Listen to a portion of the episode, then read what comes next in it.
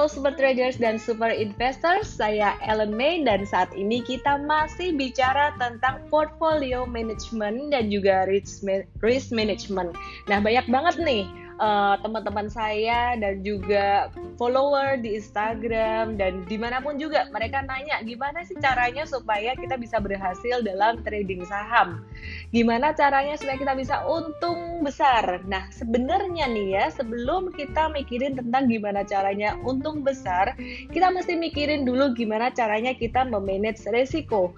Karena kalau kita udah bisa memanage resiko keuntungan akan mengikuti kita dengan sendirinya pastinya.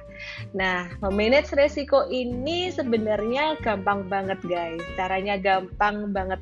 Dan kalau Anda tahu cara ini sebenarnya anda nggak perlu mengalami kerugian besar ya. Jadi ada beberapa trader, ada beberapa investor yang mereka mengalami kerugian sangat besar hingga puluhan persen dan itu juga pernah saya alami di tahun 2008 yang lalu waktu krisis di pasar saham. Namun sebenarnya nih ya, kalau kita tahu ilmu risk management yang sangat-sangat basic banget yang saya mau bawain kali ini, Anda nggak akan pernah mengalami kerugian besar. Meskipun nggak peduli pasar saham mau jatuh berapa persen. Oke, yuk kita langsung aja mulai dengan 5 hal penting yang perlu Anda lakukan sebelum Anda membeli saham pertama Anda yang sering kali saya sebut dengan pre-trading checklist dan kita juga ajarin ini ke member premium access dan juga um, peserta untuk workshop super trader kita. Oke, yang pertama banget sebelum Anda beli saham, anda harus tentukan dulu berapa banyak modal awal yang akan Anda gunakan. Modal awal ini pastinya harus uang dingin. Uang dingin artinya bukan uang yang digunakan untuk kebutuhan hidup sehari-hari, bukan uang yang digunakan untuk hal-hal darurat, bukan uang yang digunakan untuk keperluan pendidikan dan lain-lain dan juga bukan uang yang akan digunakan untuk Anda mau menikah setahun atau dua tahun lagi ya. Nanti tahu-tahu kalau misalkan Anda uh, tidak jeli memanage resiko bisa-bisa uh, jadi ngeganggu rencana Anda. Oke, nah kemudian modal awal ini sebaiknya Anda start small. Start small artinya seberapa kecil sih saya nggak bisa ngomong seberapa kecil atau seberapa besarnya di sini dengan nominal. Karena setiap orang pasti beda-beda. Ya ukuran besar dan kecil setiap orang pasti beda-beda. Nah kecil artinya adalah as small as you feel good. Artinya anda nggak stres kalau harga saham itu turun dan anda nggak euforia kalau harga saham itu naik.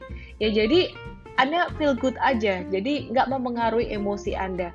Nah, kalau sampai Anda beli saham, Anda merasa terlalu senang atau bisa stres karena harga sahamnya turun, artinya Anda beli saham tuh masih dalam nominal yang terlalu besar.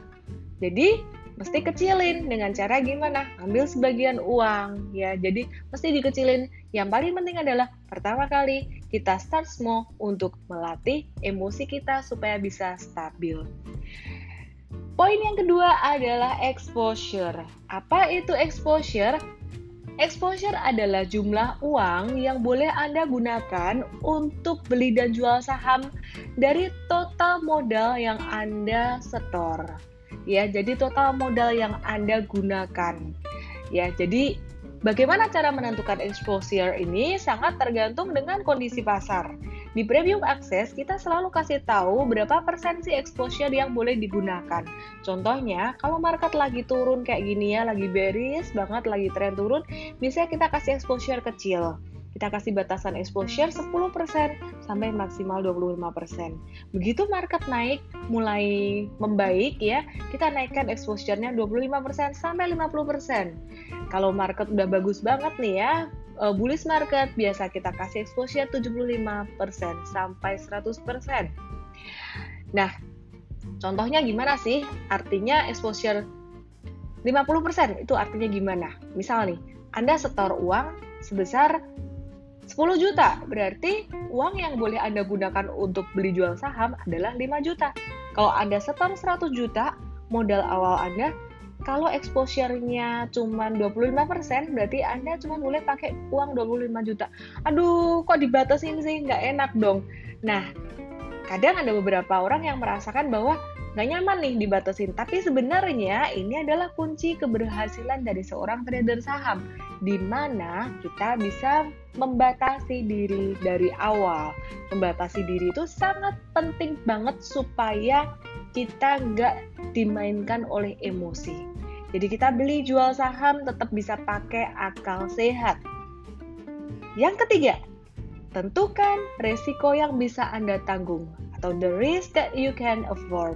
Artinya gini, sebelum Anda beli saham, tentukan dulu maksimal kerugian atau maksimal resiko yang bisa Anda tanggung dari total portfolio. Contoh nih ya, misalkan Anda punya modal 100 juta rupiah, Anda setor untuk pembukaan rekening saham. Anda harus tentukan dulu dari awal, oh saya siap rugi berapa persen nih. Kalau misalkan Anda tentukan 5%, artinya 5 juta rupiah kerugian yang bisa Anda tanggung, maka jika Anda trading beberapa kali, beli jual saham beberapa kali, dan kerugian mencapai 5 juta rupiah, maka Anda harus berhenti. ya. Jadi, aturan yang ketiga ini seperti safety belt ya, seperti sabuk pengaman yang menahan Anda supaya Anda tidak terbentur ketika terjadi uh, sesuatu hal, ketika terjadi satu hal yang nggak diinginkan.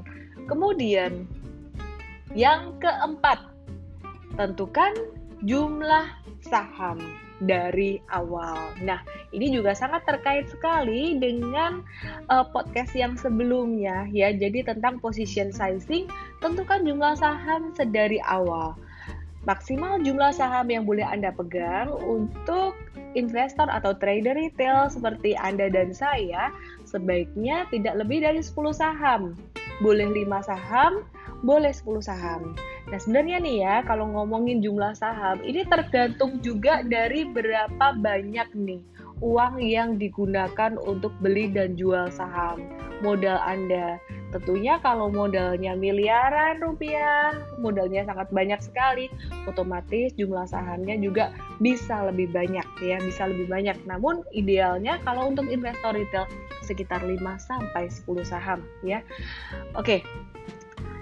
Um, yang berikutnya, yang kelima, tips yang kelima adalah kalau Anda beli saham ya, ada beli saham, um, Anda harus tentukan level beli dan level jualnya secara teknikal dengan tepat ya untuk trader.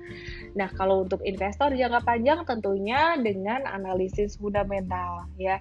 Nah, untuk Anda teman-teman yang masih pemula, yang masih belum tahu gimana caranya menentukan level beli dan jual saham, kita bisa bantu Anda melalui layanan premium akses yang akan kasih tahu Anda nih kapan beli saham, kapan jual saham, dan kalau Anda pengen tahu gimana caranya sih dapetin angka-angka tersebut, gimana sih caranya uh, trading yang benar, untuk mengetahui caranya, untuk tahu how-nya, Anda bisa belajar di workshop Super Trader ya. Jadi uh, kita kasih rekomendasi di premium akses berdasarkan tingkat likuiditas dan kesesuaian dengan benaran transaksi Anda juga.